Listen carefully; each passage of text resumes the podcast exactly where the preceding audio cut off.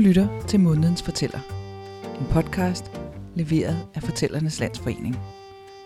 Hver måned vil en ny fortæller præsentere sig selv ved at give en rigtig god historie.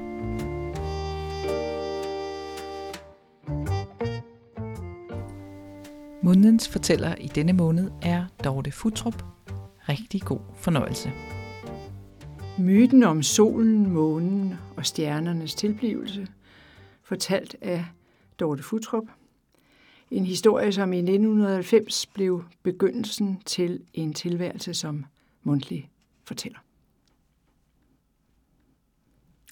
På en boplads i Grønland var der engang en ung kvinde, som under lampeslukningsleg fik den tanke, at det altid var den samme mand, som søgte hende. Og ikke nok med, at det var den samme mand, hun havde på fornemmelsen, at det var hendes egen bror.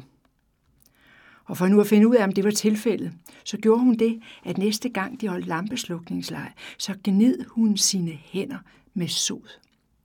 Senere hen, da hun så lå med manden på briksen, så kunne hun gnide hans nøgne skuldre med sine tilsodede hænder. Da trænlamperne igen blev tændt, så hun sig rundt i kredsen. Og der opdagede hun til sin redsel, at det var hendes egen bror, hun havde ligget med. Og hun blev så fortvivlet, så skamfuld, at hun tog sin ulo, sin kvindekniv, og med den skar hun sit ene bryst af. Og så kastede hun det hen til sin bror med ordene, spis det, siden du elsker mig så højt. Derpå tog hun noget mos i sine hænder, gik hen og antændte mosset, og med mosset i hænderne gik hun ud i mørket i fjellet. Broren elskede sin søster så højt, så han ville ikke slippe hende. Han øh, fandt også noget mos, men han kunne ikke finde lige så meget som søsteren. Også han antændte sin mos. Han gik ud i mørket, og der så han søsteren. Hun var på vej langt ud i fjellet med det lysende mos i sine hænder. Han begyndte at løbe efter hende. Hun så sig tilbage, og hun så, at broren var efter hende, og hun løb op på toppen af et fjeld. Broren var næsten ved at nå hende, og der så hun ikke anden udvej end at kaste sig ud på himlen. Og i samme øjeblik forvandledes hendes mos til solen, og som solen selv gled hun tværs over himmelbuen.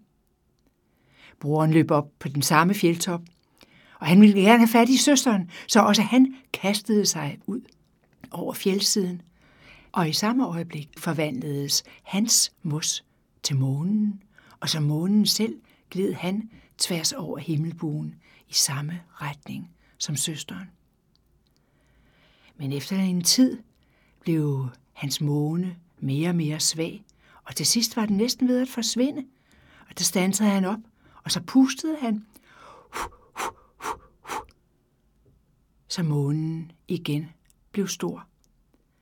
Men da han pustede, sprang der gnister, og alle disse gnister blev til stjerner på himlen.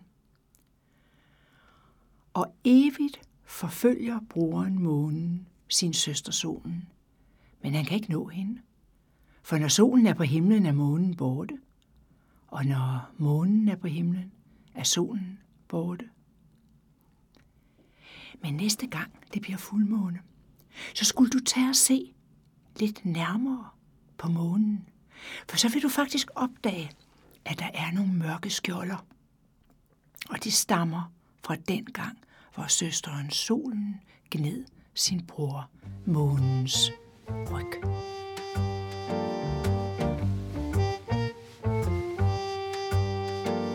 Tak fordi du lyttede med. Vil du vide mere om månedens fortæller eller om fortællingen helt generelt, så kan du gå ind på vores hjemmeside fortælleridanmark.dk. På genhør i næste måned.